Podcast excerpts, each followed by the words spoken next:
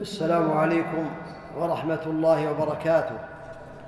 الحمد لله رب العالمين والعاقبة للمتقين وأشهد أن لا إله إلا الله وحده لا شريك له وأشهد أن محمدًا عبده ورسوله صلى الله عليه وعلى آله وأصحابه وسلم تسليما كثيرا. أما بعد فأشكر الله تعالى فهو أهل الثناء والمجد سبحانه وتعالى فإنه الذي أعان ووفق على الوصول إلى هذا المكان. ثم أشكر الإخوة في المسؤولين عن مركز أو عن مكتب الجاليات في هذه البلاد العلى فجزاهم الله خيرا. والنبي عليه الصلاة والسلام يقول من دل على خير فله مثل أجر فعله. هكذا ثبت عن النبي عليه الصلاة والسلام في صحيح مسلم. وقد حددوا عنوان المحاضرة بفضل الذكر. ألا لا شك أن الذكر هو في الحقيقة من أعظم القربات التي يتقرب بها المسلم لله تعالى. ومما يرفع به ربنا عز وجل الدرجات ويقيل به العثرات. ويحفظ الإنسان في الدنيا والآخرة ويحصل على الثواب العظيم والمنازل العلى في الجنات وهذا من فضل الله تعالى. وقد بين الله تعالى هذا الفضل في كتابه وبينه النبي صلوات الله وسلامه عليه. ولا شك أن أعظم الذكر وأعلاه هو كلام الله تعالى.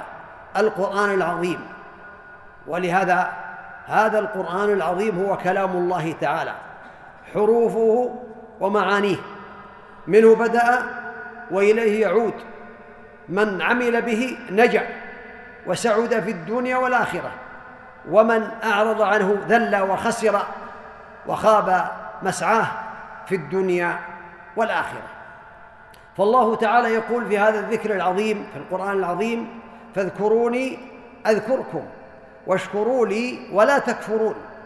هذا أمر من الله تعالى بكلامه عز وجل بأمره بالذكر. فاذكروني أذكركم اذكروني بألسنتكم وقلوبكم وأعمالكم أذكركم. وذكر الله تعالى أنواع. ذكره سبحانه وتعالى إما أن يكون بذكر الإنسان عند الملأ الأعلى وكذلك بالثواب العظيم الذي يحصل عليه المسلم من الله تعالى أذكركم واشكروا لي ولا تكفرون. الشكر لله تعالى به تدوم النعم وبه تزداد ويزداد الإنسان بها من الله تعالى. وإن تأذن ربكم لئن شكرتم لأزيدنكم ولئن كفرتم إن عذابي لشديد. وقال تعالى يا أيها الذين آمنوا اذكروا الله ذكرا كثيرا وسبحوه بكرة وأصيلا. اذكروا الله ذكرا كثيرا وسبحوه بكرة وأصيلا. بكرة في أول النهار وأصيلا في آخره. وهذا أمر من الله تعالى. قال الله تعالى في سورة الأحزاب في آخر الآيات التي بين فيها صلاة المسلمين والمسلمات والمؤمنين والمؤمنات إلى آخره قال والذاكرين الله كثيرا والذاكرات. أعد الله لهم مغفرة واجرا عظيما عظيما للتفخيم عظيمه أعد الله لهم مغفرة واجرا عظيما. وقال سبحانه واذكر ربك في نفسك تضرعا وخفية. في نفسك. الذكر قد يكون بالنفس. قد يكون باللسان قد يكون بالجوارح والأعمال. واذكر ربك لكن هذا المقصود هو الذكر الذي يقال باللسان والذكر الذي يفكر الإنسان فيه بقلبه. واذكر ربك في نفسك تضرعا وخفية وخيفة ودون الجهر. ودون الجهر من القول ولا تكن من الغافلين.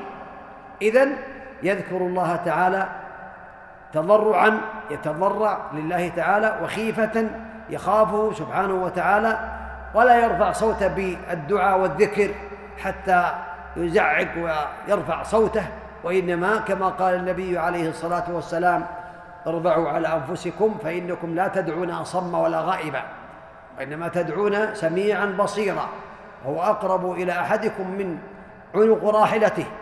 فالإنسان يذكر الله تعالى ويدعو الله تعالى بمجرد ما يسمع نفسه يسمع نفسه الذكر. هذا هو المشروع للإنسان. وثبت على النبي عليه الصلاة والسلام أنه قال مثل الذي يذكر ربه والذي لا يذكره كمثل الحي والميت. هذا متفق على صحته. مثل الذي يذكر ربه هذا من ضرب الأمثال التي تقرب المعاني للناس. والذي لا يذكر ربه هذا الذي يذكر ربه هو من الأحياء في الدنيا. حي القلب حي النفس حي المشاعر مثل الذي يذكر ربه. والذي لا يذكره كمثل الحي والميت. في رواية مسلم مثل البيت الذي يذكر الله فيه والبيت الذي لا يذكر الله فيه كمثل الحي والميت. سبحان الله. مثل الله تعالى هذا الذاكر لله تعالى بأنه حي. وهذا الذي لا يذكر الله بأنه ميت والبيت الذي يذكر الله فيه بيت حي بيت فيه حياة فيه إيمان فيه تقوى الملائكة تدخل فيه والبيت الذي لا يذكر الله فيه فيه الشياطين وفيه الجن وفيه ما يحصل من المعاصي لأن الشياطين إذا دخلت دخل كل شر. ولهذا قال النبي عليه الصلاة والسلام أن الإنسان إذا دخل بيته فقال بسم الله. قال الشيطان لا مبيت لكم. يعني ما أدركتم البيت فإذا قال عند طعامه بسم الله كذلك قال لا مبيت لكم ولا عشاء. أما إذا دخل ولم يسمي قال الشيطان أدركتم المبيت. فإذا أكل الطعام ولم يسمي قال أدركتم المبيت والعشاء. هذا يدل على أن هذا الميت البيت ميت. تسكن فيه الشياطين وتأكل مع أهله. وهذا أمور غيبية ما رأيناها. لكننا نؤمن بكلام النبي عليه الصلاة والسلام وأنه لا ينطق عن الهوى. وإنما هو عليه الصلاة والسلام لا ينطق عن الهوى. إن هو إلا وحي يوحى. كذلك بين النبي عليه الصلاة والسلام قال في الحديث القدسي الذي رواه عن الله تعالى قل أنا عند ظن عبدي بي. هذا يقوله الله. أنا عند ظن عبدي بي وأنا معه إذا ذكرني. فإن ذكرني في نفسه ذكرته في نفسي.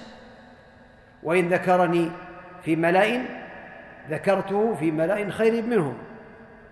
وإن تقرب إلي شبرا تقربت إليه ذراعا.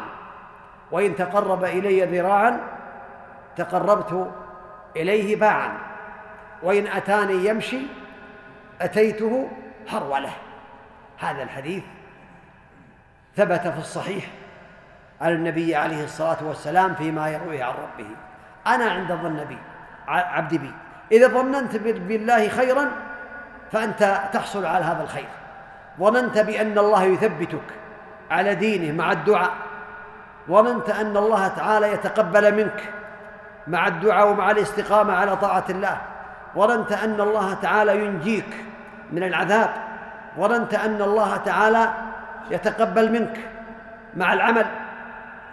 والقيام بشروط العمل من الإخلاص والمتابعة للنبي عليه الصلاة والسلام. أنا عند ظن عبدي بي. وأنا معه إذا ذكرني. معه بعلمه. معه بتوفيقه. معه بتسديده معه بإعانته. هكذا معه. المعية معيتان. معية العلم. وهذه لجميع المخلوقات. وهو معكم أينما كنتم. ومعية التوفيق والتسديد والإعانة والتثبيت. وهي للمؤمنين. إن الله مع الذين اتقوا والذين هم محسنون. كذلك في هذا الحديث. وأنا معه إذا ذكرني. فإن ذكرني في نفسه. ذكرت الله فكرت في نفسك. أن الله على كل شيء قدير. وأن الله إذا أراد شيئا فإنما يقول له كن فيكون. وأن الله سبحانه وتعالى هو ذو الألوهية والربوبية على خلقه أجمعين معه. فإن ذكر ذكرك الله في نفسه. نفس الله تعالى له نفس تليق بجلاله. لا كأنفس المخلوقين. ولهذا قال الله تعالى عن عيسى تعلم ما في نفسي ولا أعلم ما في نفسك. إنك أنت علام الغيوب. فالنفس لله تليق بجلال الله. النفس معلومة والإيمان بها واجب والكيف مجهولة مجهول الكيف. والسؤال عن الكيف بدعة هكذا كالصفات الأخرى. كصفات الله تعالى. اليد اليدان معلومتان والإيمان بهما واجب والكيف مجهول لأن الله ما أخبرنا بالكيف. الكيف ما أخبرنا الله به وهكذا النفس. كذا الاستواء على العرش. الرحمن استوى على العرش استواء يليق بجلاله. الاستواء معلوم والكيف والإيمان به واجب والكيف مجهول والسؤال عنه بدعة. هكذا عقيدة أهل السنة والجماعة. قال فإن ذكرني في نفسي ذكرته في نفسي وإن ذكرني في ملأ ذكرته في ملأ خير منهم ذكرت الله في ملأ في جماعة في أناس تذكر الله تعلمهم الخير تعلمهم صفات الله تعالى. تذكر الله تعلمهم الخير فالله تعالى يذكرك في ملأ خيرا من هؤلاء عند الملائكة يذكرك عند الملأ الأعلى. وإن ذكرني في ملأ ذكرته من ملأ خير منهم وإن تقرب إلي شبرا تقربت إليه ذراعا. وإن تقرب إلي ذراعا تقربت إليه باعا. وإن أتاني يمشي أتيت هرول وهذه صفات تليق بجلال الله تعالى. لا يعلم كيفيتها إلا هو لكن يدل أن أنه يسرع إليه بالثواب. ويسرع إليه بالمغفرة ويسرع إليه بالإعانة والتوفيق والتسديد. ولهذا جاء في الحديث الآخر من عادى لي وليا فقد آذنته بالحرب وما تقرب إلي عبدي بشيء أحب إلي مما افترضته عليه ولا يزال عبدي يتقرب إلي بالنوافل حتى أحبه. فإذا أحببته كنت سمعه الذي يسمع به وبصره الذي يبصر به ويده التي يمشي ويبطش بها ورجله التي يمشي بها وإن سألني لأعطينه ولئن استعاذني لأوعذنه وما ترددت في شيء أنا فاعله؟ ترددي في نفس في قبض نفس المؤمن يكره الموت وأنا أكره مساءته. فالمقصود كنت سمعه كنت بصره كنت يده كنت رجله تعالى الله عن ذلك. المقصود بذلك أنه سبحانه وتعالى يوفقه ويسدده ويعينه فلا ينظر إلا بتوفيق الله ولا تبطش يداه إلا بتوفيق الله ولا تمشي قدماه إلا فيما يرضي الله ولا يستمع إلا إلى ما يرضي الله. وهكذا. المقصود أن صفات الله تعالى تليق بجلاله سبحانه وتعالى. وما يدل على فضل الذكر أن رجلا جاء إلى النبي عليه الصلاة والسلام وقال يا رسول الله إن شرائع الإسلام كثرت علي. فأخبرني بشيء أتشبث به يعني أتمسك به. قال لا يزال لسانك رطبا من ذكر الله تعالى. يذكر الله الإنسان في كل وقت يذكر الله تعالى. هذا هو الذي يريد الفضل العظيم. وليس هذا الذكر بواجب لكن فضل الله تعالى يؤتيه من يشاء. إذا شرح الله صدر هذا الإنسان لهذا الذكر فقد وفقه. ولهذا قال النبي عليه الصلاة والسلام لمعاذ يا معاذ والله إني لأحبك في الله.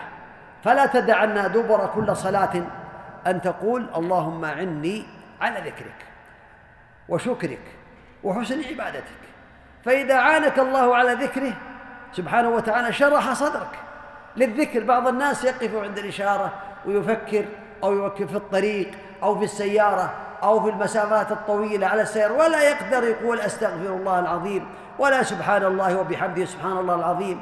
ما عنده خير لكن لو كان فيه نقود لقال ذلك. لو كان فيه دنيا لقال ذلك. لكن هذا هو الثواب العظيم الذي بينه النبي صلوات الله وسلامه عليه. ولهذا قال النبي عليه الصلاة والسلام في القرآن الكريم من قرأ حرفا من كتاب الله فله بذلك الحرف حسنة والحسنة بعشر أمثالها. لا أقول ألف لام ميم حرف ولكن ألف حرف ولام حرف وميم حرف. ألف لام ميم. أحرف الهجاء بعشر حسنات. إذا هذا يدل على أن الذكر بالقرآن الكريم هو أعظم الذكر وأعلاه وأرفع منزلة في الذكر. فإذا أقبل الإنسان على ذكر الله وقرأ حصل له هذا الثواب العظيم. بالحرف الواحد يحصل على عشر حسنات وهذا من فضل الله تعالى. وثبت عن النبي عليه الصلاة والسلام أنه قال أيحب أحدكم؟ قال أيكم يحب أن يغدو إلى بطحان أو العقيق فيأتي بناقتين كوماوين في غير إثم ولا قطيعة رحم. كوماوين ناقتين عظيمتين كوماوين عظيمتين. والعقيق واد في المدينة. أيكم يحب والبطحان كذلك. أيكم يحب أن يذهب إلى بطحان أو العقيق. فيأتي بناقتين كوماوين في غير إثم ولا قطيعة رحم قالوا نحب ذلك يا رسول الله. قال لأن يغدو أحدكم إلى المسجد فيعلم آيتين أو يقرأ آيتين. يعلم يعني يتعلم. أو يقرأ آيتين خير له من ناقتين. وثلاث خير له من ثلاث. وأربع خير له من أربع. ومن أعدادهن من الإبل. هذا فضل الله يؤتيه من يشاء. ثبت أن القرآن أكثر من ستة آلاف آية. أكثر. فإذا قرأ الإنسان وختم القرآن فستة آلاف آية تعدل في الحقيقة أفضل من ستة آلاف ناقة عظيمة. والنوق الآن لها يعني قيمة عظيمة هي حمر النعم. وفي هذه الأوقات يعرفون الناس المزاين مزاين الإبل. فإذا كان يقرأ القرآن كاملا فأحلف بالله.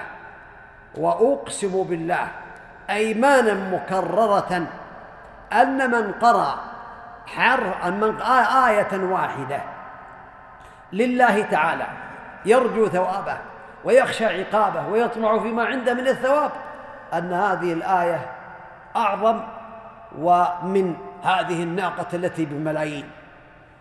ثبت عندي أن بعض الجمان سيم بسبعة وعشرين مليونا في مزرعة من مزارع الخرج في ضاح الرياض. سبعة وعشرين مليون. والله آية واحدة. يقرأها الإنسان. لله. ابتغاء مرضات الله. أفضل من هذا الجمل. هذا تقريب للمعاني. ذكر العلماء أن الأمثال التي تضرب للناس ما هي إلا تقريب المعاني. وإلا ذرة واحدة من ذرات العمل الصالح خير من الدنيا وما فيها. لكن هذا يقرب المعاني يقرب الإنسان المعاني. فهذا لا شك من أعظم الأمور. قد ثبت عن النبي عليه الصلاة والسلام أنه قال من قعد مقعدا لم يذكر الله فيه. مقعد مجلس. كانت عليه من الله ترة أي حسرة يوم القيامة. ومن اضطجع مضطجعا. لم يذكر الله فيه اضطجع في نومه اضطجع في مكان لم يذكر الله فيه. كانت عليه من الله ثرة أي حسرة يوم القيامة. قال عليه الصلاة والسلام ما جلس قوم مجلسا لم يذكروا الله فيه ولم يصلوا على نبيهم عليه الصلاة والسلام إلا كان عليهم ثرة فإن شاء عذبهم وإن شاء فعلهم. فينبغي للإنسان إذا كانوا في مجالس في ولائم أقل الأحوال يذكر الله تعالى ويصلوا على النبي عليه الصلاة والسلام فإن لم يحصل شيء فيقوم واحد منهم ويتكلم بكلمة أو يصلي على النبي عليه الصلاة والسلام حتى يذكرهم بهذا حتى يحصلوا على الثواب العظيم. قال ما من قوم يقومون من مجلس لا يذكرون لا يذكرون الله فيه إلا قاموا عن مثل جيفة حمار. وكان عليهم حسرة يوم القيامة. نسأل الله العافية. هذا يدل على فضل الذكر ويدل على التحذير والتخويف من عدم الذكر لله تعالى. وثبت عن النبي عليه الصلاة والسلام وهذا يدل على فضل, فضل مجالس الذكر مثل هذه المجالس وحلقات العلم وحلقات القرآن أنه قال عليه الصلاة والسلام إن لله ملائكة يطوفون في الطرقات يلتمسون حلق الذكر حتى إذا وجدوا بغيتهم. قالوا هلموا إلى حاجتكم؟ فيحفونهم إلى السماء الدنيا. ويسألهم الله تعالى وهو أعلم بذلك. يسألهم قالوا وجدنا عبادك يذكرونك ويحمدونك ويمجدونك ويكبرونك. فيقول ماذا يسألون؟ فيقولون يسألونك الجنة. فقال هل رأوا جنتي؟ فيقولون والله ربي يا ربي ما رأوها. قال فكيف لو رأوها؟ قالوا لو رأوها لكانوا أشد لها طلبا. قال فمما يستعيدون قال يستعيدون من نارك من النار. قالوا هل رأوا ناري؟ قالوا يا والله يا ربي ما رأوها. قال كيف لو رأوها؟ قالوا والله يا ربي لو رأوها لكانوا أشد منها فرارا. قال لهم سبحانه وتعالى أشهدكم بأني قد غفرت لهم. فيقول بعض الملائكة يا رب فيهم فلان. ليس منهم وإنما جاء لحاجة. فيقول له غفرتهم القوم لا يشقى بهم جليسهم. هذا الحديث متفق على صحته. رواه البخاري ومسلم أو كما قال النبي عليه الصلاة والسلام في ألفاظ هذا الحديث. هذا والله أعلم والعلم عند الله ولم أسمع أحدا قال بهذا لكني العلم عند الله. أن حلقات العلم مستثناة من النية. والعلم عند الله. قد أكون مخطئا. هذا الرجل الذي جلس من أجل حاجة أن يأخذها من شخص من الناس. فهو جالس ينتظر رجل في الحلقة أو يريد حاجة لا تحصل له هذه الحاجة إلا بانتهاء هذه الحلقة. قال وله غفرتهم القوم لا يشقى بهم جليسهم. لعله يكون مستثنى. أن من حلق حضر الحلقات حلقات العلم ولو لم يكن له نية في الأجر أن الله يكتب له هذا الثواب لقول الله تعالى هم القوم وله غفرت هم القوم لا يشقى بهم جليسهم. فلا أعلم كما قال بعض العلماء لا أعلم فضلا مثل فضل حلقات العلم وحضور حلقات العلم خاصة الدروس التي يستفيد منها الإنسان دروس القرآن والتوحيد والمحاضرات والندوات يحصل على هذا الثواب العظيم.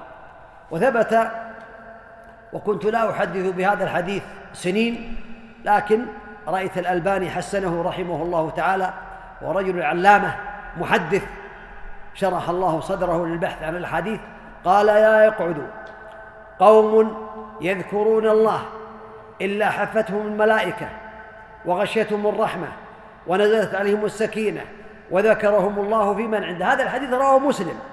الحديث الذي ذكرته سيأتي إن شاء الله. هذا يدل على أن حلقات العلم حتى لو لم تكن على القرآن عن القرآن على القرآن الكريم. لا يقعد يذكرون الله قوما يذكرون الله إلا حفتهم يذكرون الله إلا حفتهم الملائكة. وغشيتهم الرحمة ونزلت عليهم السكينة. السكينة هي الطمأنينة في بعض الأحوال وهي الملائكة كذلك. في هذا الحديث كما ذكر العلماء منهم سماحة شيخنا ابن باز رحمه الله أن هذا نوع من أنواع الملائكة نوع سكينة ينزلون عليه سكينة. وقد تكون مع هذه السكينة الطمأنينة كما قال النبي عليه الصلاة والسلام إذا قمتم إلى الصلاة إذا أقيمت الصلاة فأتوها وأنتم تمشون. وعليكم السكينة والوقار. السكينة والوقار الطمأنينة والراحة. أما هذا الحديث فالذي يظهر منه أنهم نوع من أنواع الملائكة. والحديث الآخر كذلك يدل على أن القرآن كذلك. قال النبي عليه الصلاة والسلام ما اجتمع قوم في بيت من بيوت الله سواء كانوا في البيوت في المسجد. الحديث الذي قبل هذا يدل على أنه حتى لو كان في البيت لو كان في استراحة لو كان في أماكن أخرى وهذا الحديث يقول ما اجتمع قوم في بيت من بيوت الله يتلون كتاب الله ويتدارسونه بينهم إلا نزلت عليهم السكينة وغشيتهم الرحمة وذكرهم الله في من عنده يذكرهم الله في من عنده وحفتهم الملائكة. هذا من فضل الله تعالى ومن فضل حلقات العلم. نعم. ينطبق على الحديث الأول. الحديث الأول ما اجتمع ما ذكر اجتمع قوم يذكرون الله إلا نزلت عليهم السكينة وغشيتهم الرحمة وذكرهم وحفتهم الملائكة وذكرهم الله في من عنده حتى لو كانوا في السيارة. وهذا الحديث رواه مسلم. والثاني كذلك رواه مسلم. الحديث الذي ذكرته عن الألباني أنه حسن رحمه الله تعالى قال ما من قوم يجتمعون يذكرون الله يريدون بذلك وجه الله. آه قيده. يريدون بذلك وجه الله. إلا نادتهم إلا ناداهم مناد من السماء. أن قوموا مغفورا لكم قد بدلت سيئاتكم حسنات. رواه الإمام أحمد رحمه الله تعالى وصححه لغيره الألباني. قال صحيح لغيره. هذا يدل على فضل هذا الخير العظيم. يجلس في حلقة من حلقات العلم ثم يقال له لهم قوموا مغفورا لكم قد بدلت سيئتهم حسنات. لكنه قيده في قال ما من قوم يجتمعون يذكرون الله لا يريدون بذلك إلا وجه الله. رأيت في المطار الرياض ناس مجتمعون محرمون محرمون وقد صفوا صفين وقد سألوا واحدا أن يصورهم. محرمون. وبعض الناس حتى في عرفات يرفع يديه. فلان صور. من أجل أنه إذا رجع إلى بلاده يقول أنا كنت أدعو الله. وهذا يقول من أجل يقول أنا كنت محرما لله. فقلت لهم سبحان الله. هذا ينافي الإخلاص. الله تعالى يقول في الحديث القدسي أنا أغنى الشركاء. من عمل عملا أشرك معي فيه غيري تركته شركة. رواه مسلم.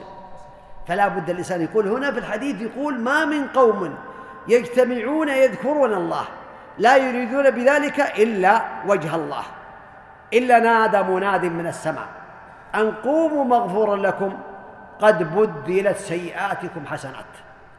هذا من فضل الله تعالى هذا من فضل الله تعالى. والحديث هذا رواه آه، الإمام أحمد رحمه الله تعالى وقال عنه الألباني بأنه صحيح لغيره. هذا من فضل الله على عباده.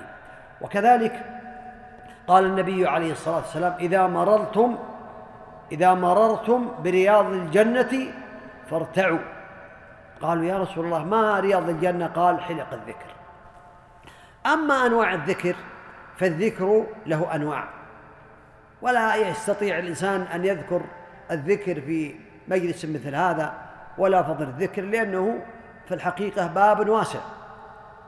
أنواع الذكر ذكر مقيد يعني مقيد بأوقات معينة وبأزمنة محددة مثل ذلك استيقاظ ذكر الاستيقاظ من النوم يستيقظ من يذكر الله ويقول المشروع في ذلك والمسلم يراجع هذه الأشياء ليس من شرط أن تذكر كلها لكن قد يذكر بعضها الذي فيه الفضل مبين.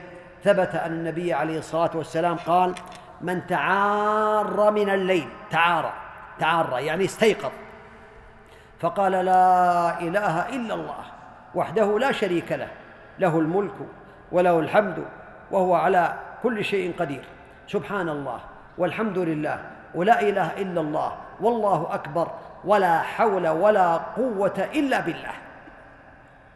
فقال النبي عليه الصلاة والسلام قال إنه إذا قال ذلك فقام فتوضأ قبل وضوءه. فإن صلى قبلت صلاته فإن دعا قبل دعاؤه أو كما قال النبي عليه الصلاة والسلام. والحديث رواه البخاري وهذا لفظ ابن ماجه. هذا يدل على فضل من تعار من الليل. فقال لا إله إلا الله وحده لا شريك له له الملك وله الحمد وهو على كل شيء قدير. سبحان الله والحمد لله ولا إله إلا الله والله أكبر ولا حول ولا قوة إلا بالله العلي العظيم. سبحان الله العظيم. فإذا دعا استجب له. وإذا توضأ وصلى قبلت صلاته. هذا فضل عظيم. الناس بحاجة. حتى ولو لم يصلي.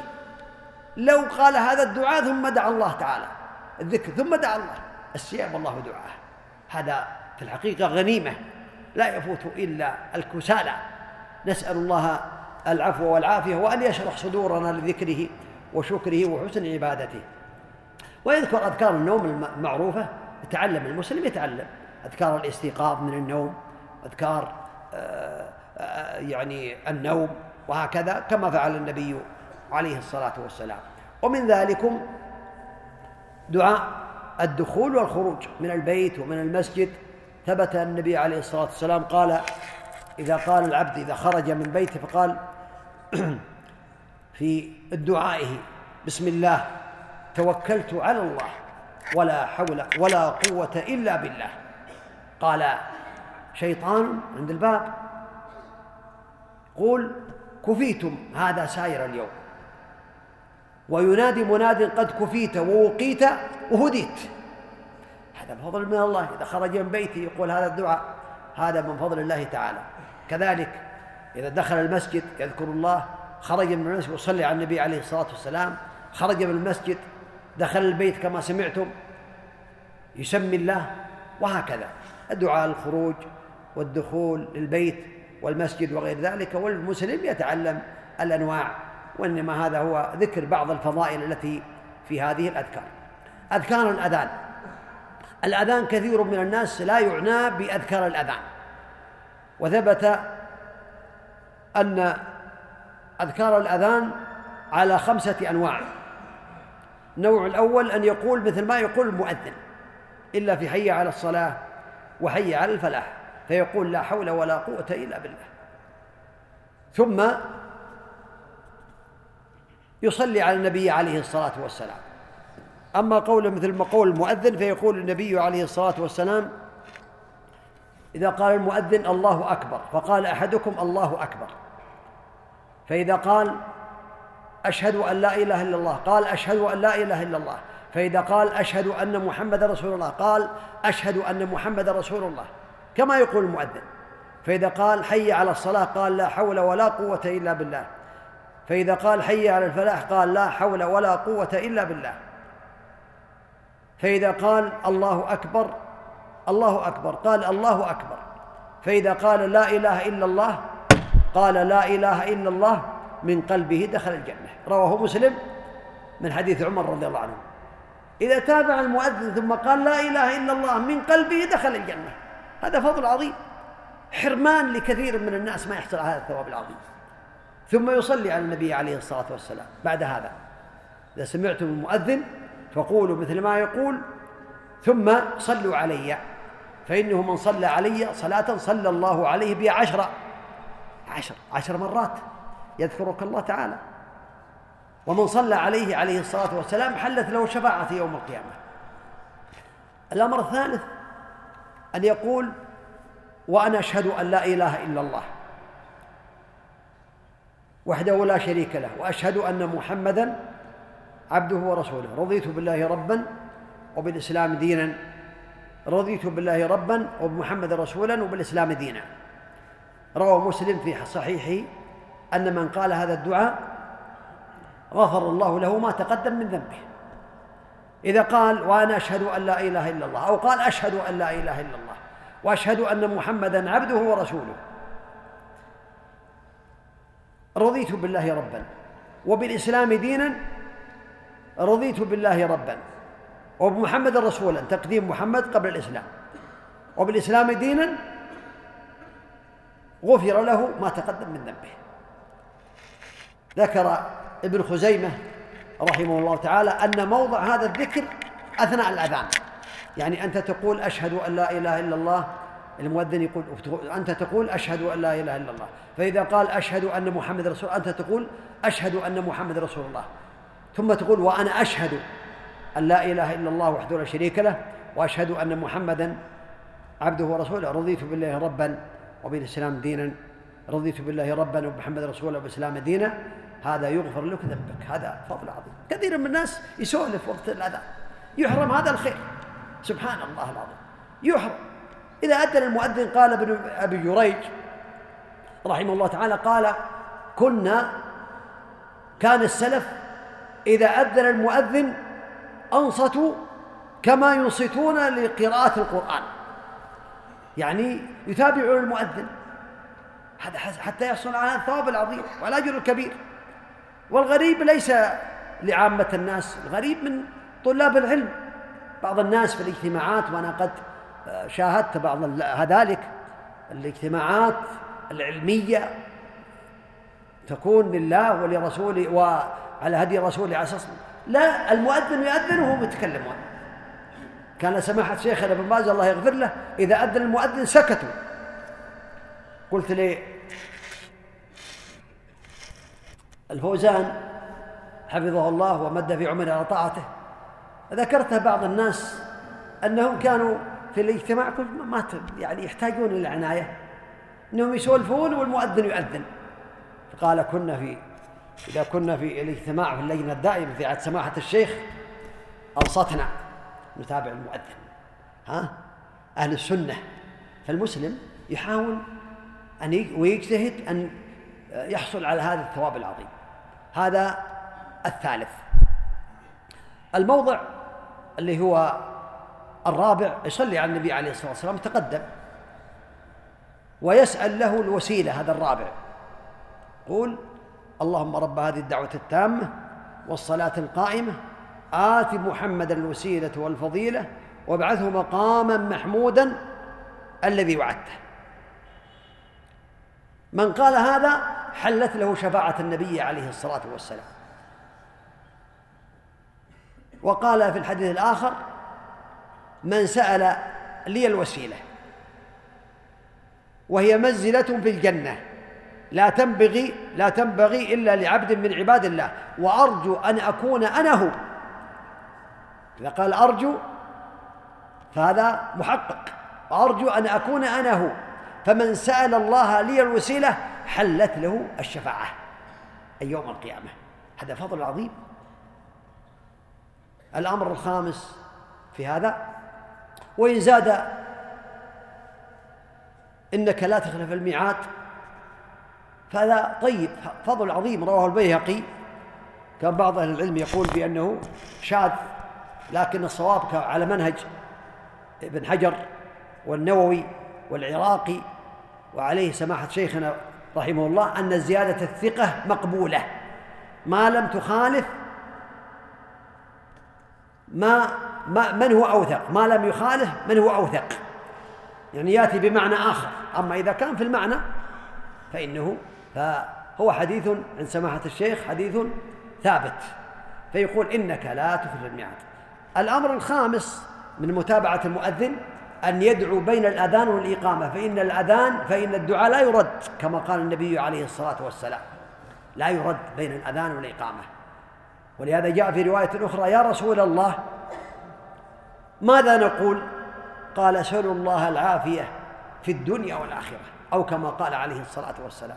لأن هذه الأمور ينبغي للمسلم أن يعنى بها حتى لو لم تستفد في هذه الكلمة إلا أنك تحافظ على أذكار الأذان تحصل على ثواب عظيم من الله تعالى.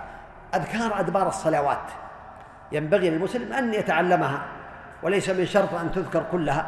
لكن يتعلمها حتى يحصل على الثواب العظيم والخير الكثير. منها آية الكرسي. فإن من قرأ آية الكرسي يعني الخلاصة أن الإنسان إذا سلم السلام عليكم ورحمة الله السلام عليكم ورحمة الله أستغفر الله أستغفر الله ثلاث مرات. اللهم أنت السلام ومنك السلام تبارك يا ذا الجلال والإكرام ثم ينصرف إلى الناس الإمام. قل لا إله إلا الله وحده لا شريك له له الملك وله الحمد وهو على كل شيء قدير. اللهم لا مانع لما أعطيت ولا معطي لما منعت. زاد عبد بن حميد ولا راد لما قضيت ولا ينفع ذا الجد منك الجد. إذا أراد الله لك شيئا ما منعك أحد. اللهم لا مانع لما أعطيت. إذا أعطاك شيئا ما يمنع أحد. وإذا منعك شيئا ما يعطيك أحد.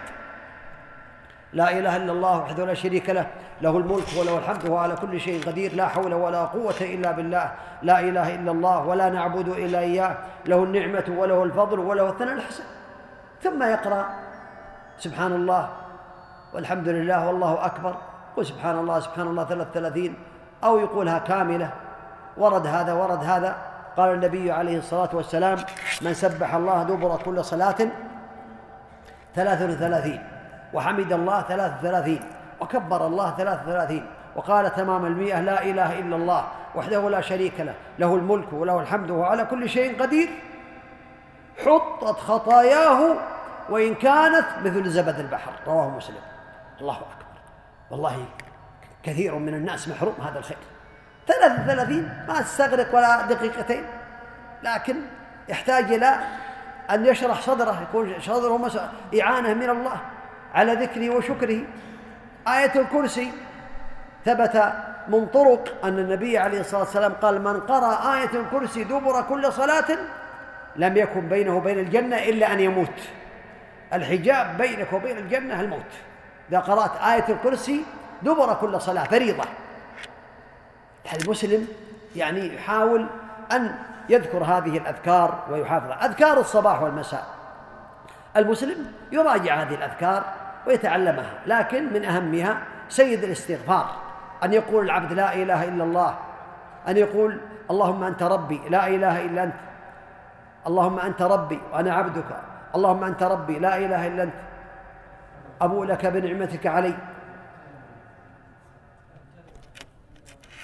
سيد الاستغفار أن يقول العبد اللهم أنت ربي لا إله إلا أنت. وأنا عبدك وعلى عهدك ووعدك ما استطعت. أعوذ بك من شر ما صنعت. أبوء لك بنعمتك علي. أبوء يعني أعترف وأقر. وأبوء بذنبي. أعترف بذنبي. فاغفر لي فإنه لا يغفر الذنوب إلا أنت. رواه البخاري. قال النبي عليه الصلاة والسلام من قالها أو قال كما قال عليه الصلاة والسلام إذا أمسى من قلبه فمات قبل أن يصبح دخل الجنة. ومن قالها إذا أمسى إذا أصبح فمات قبل أن يمسي دخل الجنة.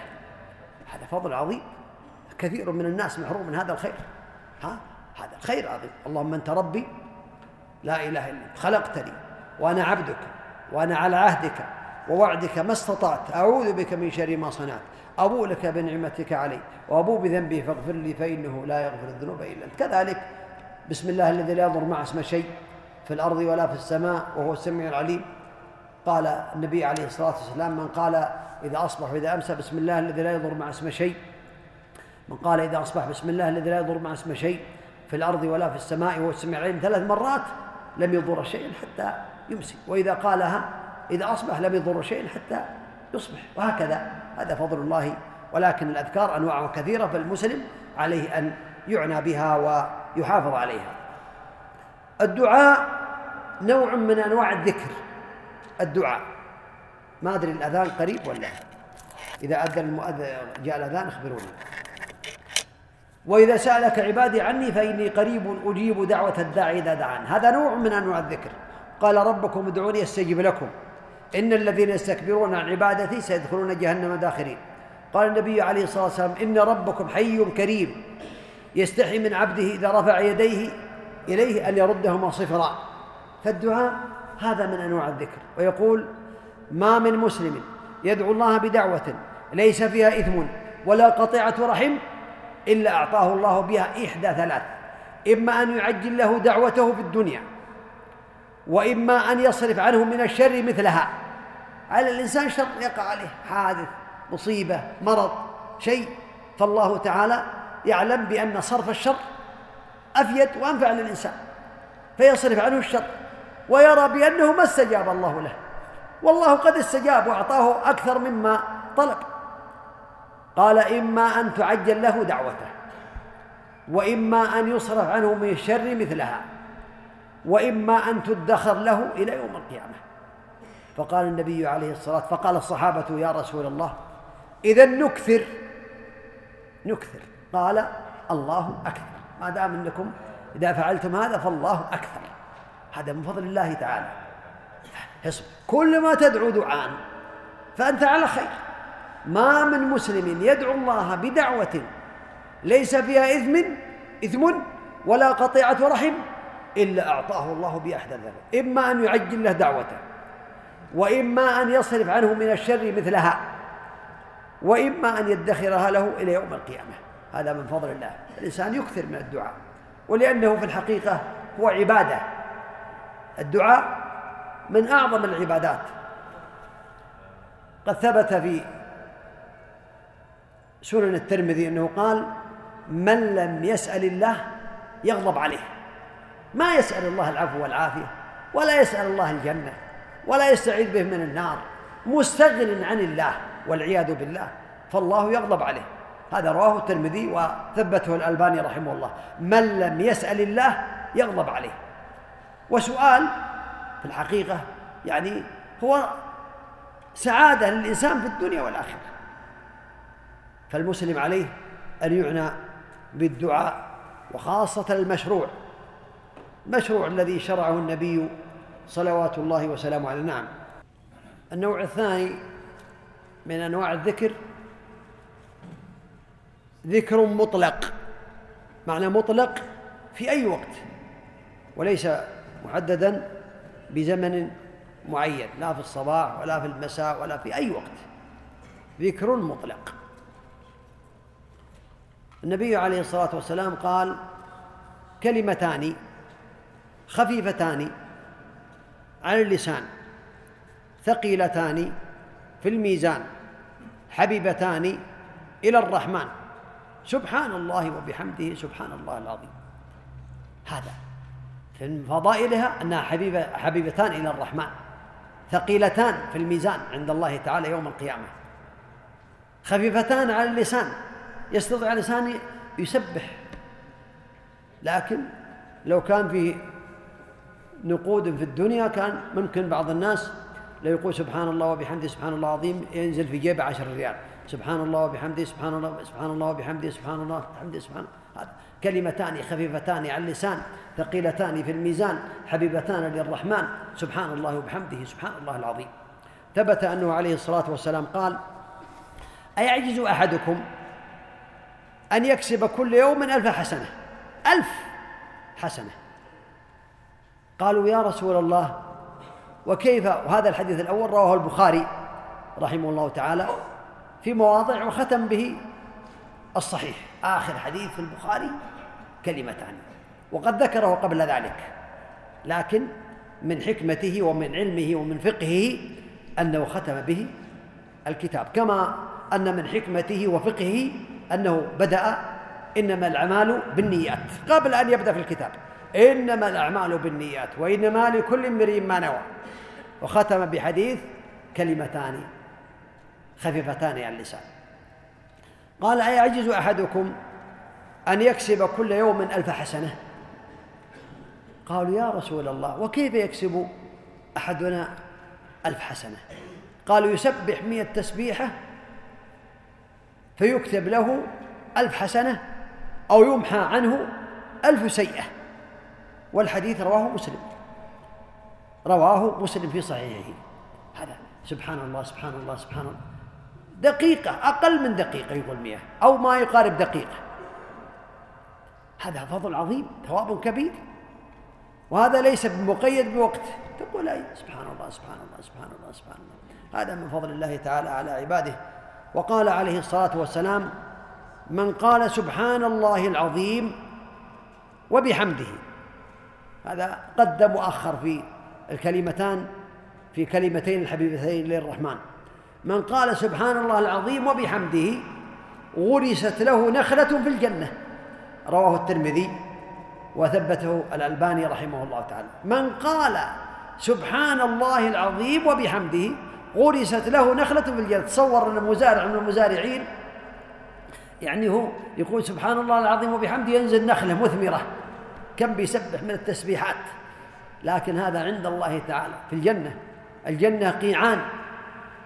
كما قال إبراهيم عليه الصلاة والسلام وغراسها سبحان الله والحمد لله ولا إله إلا الله والله أكبر. لا حول ولا قوة إلا بالله. كنز من كنوز الجنة. تقال في أي وقت. لا حول ولا قوة إلا معناها لا تحول من مرض إلى صحة ولا من صحة إلى مرض ولا من فقر إلى غنى ولا من غنى إلى فقر ولا من سعادة إلى شقاوة ولا من ذل إلى عز ولا من عز إلى ذل. إلا بالله كل بيد الله تعالى. لا حول ولا قوة إلا بالله. كان عبد الله بن قيس رضي الله عنه يمشي والنبي عليه الصلاة والسلام يمشي قريبا منه قال وكنت أقول في نفسي لا حول ولا قوة إلا بالله. فقال يا أبا موسى أو يا عبد الله ألا أدلك على كنز من كنوز الجنة؟ قال قلت بلى يا رسول الله. قال لا حول ولا قوة إلا بالله. كأنه أتاه وحي. العلم عند الله. أو سمعه. لكن قال كنت أقوله بنفسي هذا يدل على أن لا حول ولا قوة إلا بالله كنز من كنوز الجنة كما قال النبي عليه الصلاة والسلام.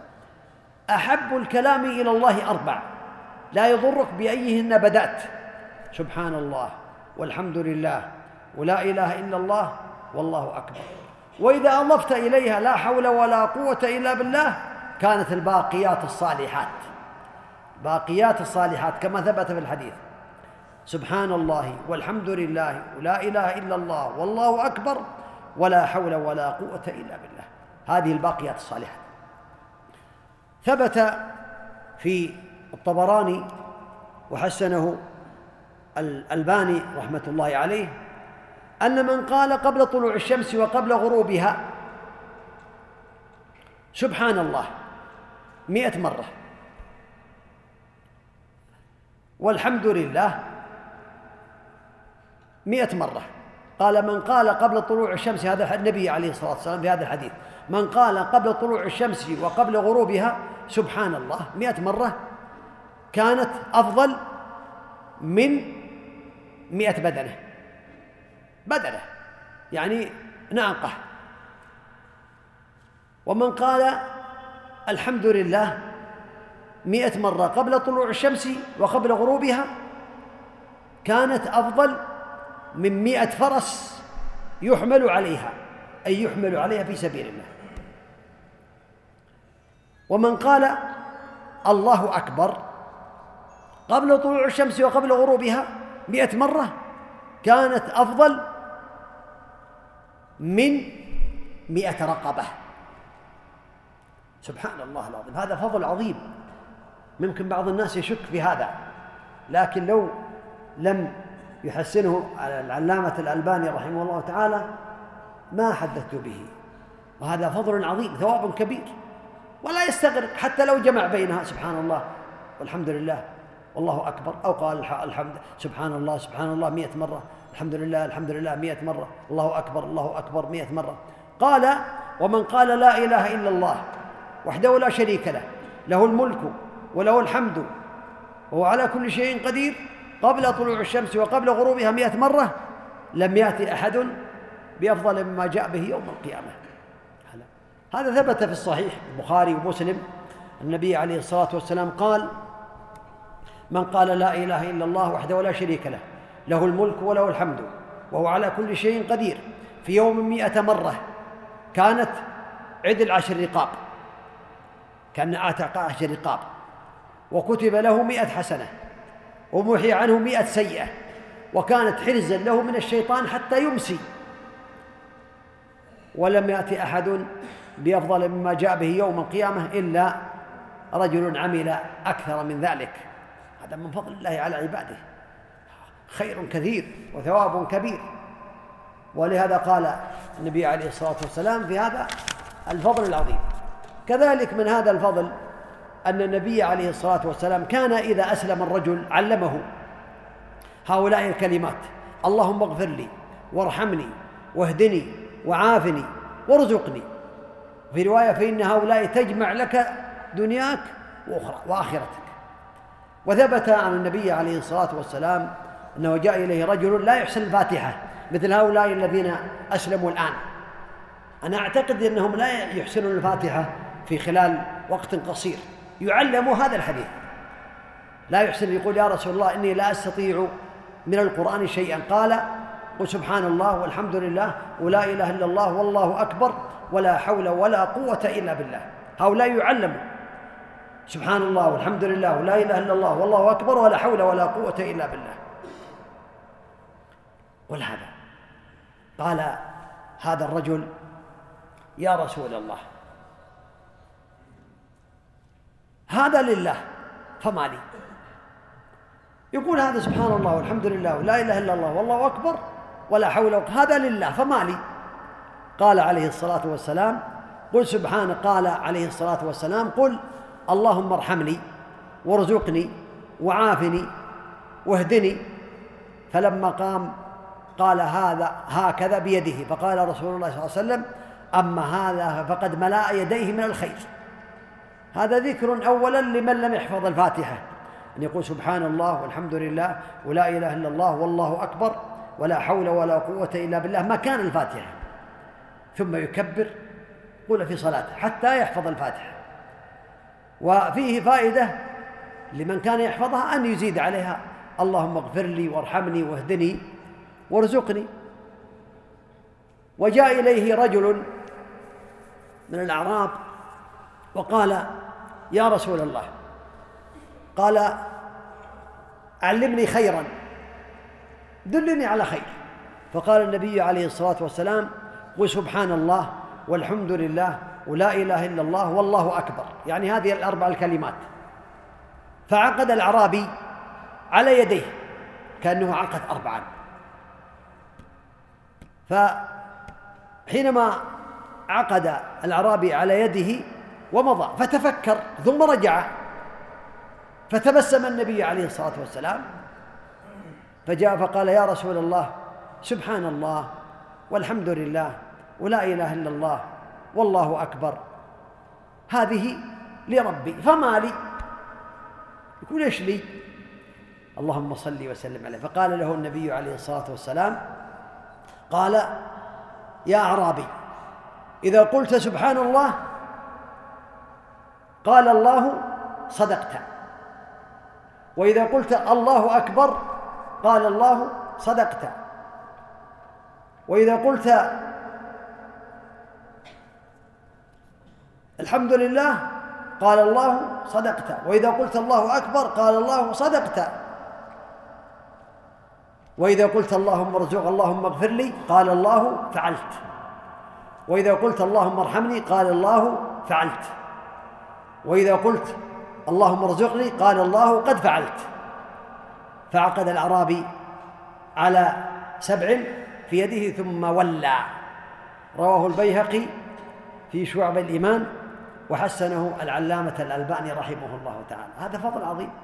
لكن لو زاد لا يأبس جاء رجل آخر إلى النبي عليه الصلاة والسلام قال علمني فقال قل لا إله إلا الله وحده لا شريك له. الله أكبر كبيرا والحمد لله كثيرا وسبحان الله الله أكبر كبيرا والحمد لله كثيرا سبحان الله رب العالمين لا حول ولا قوة إلا بالله العزيز الحكيم. اللهم اغفر لي وارحمني واهدني وارزقني قال الراوي وأظنه قال وعافني أو كما قال.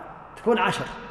هذه كلها في الغالب غالب هذا الحديث مذكورة في آخر حصن المسلم في الأذكار.